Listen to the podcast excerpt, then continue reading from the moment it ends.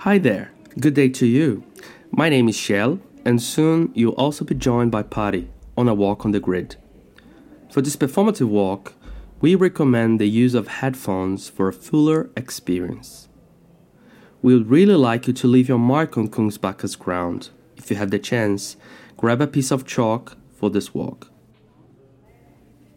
It involves shared stories from me and Patty and reflections alongside speculations on the various points of interest we visit, also located on the map.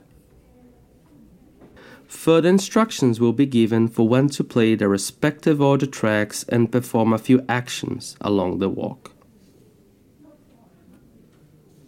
Shall we start?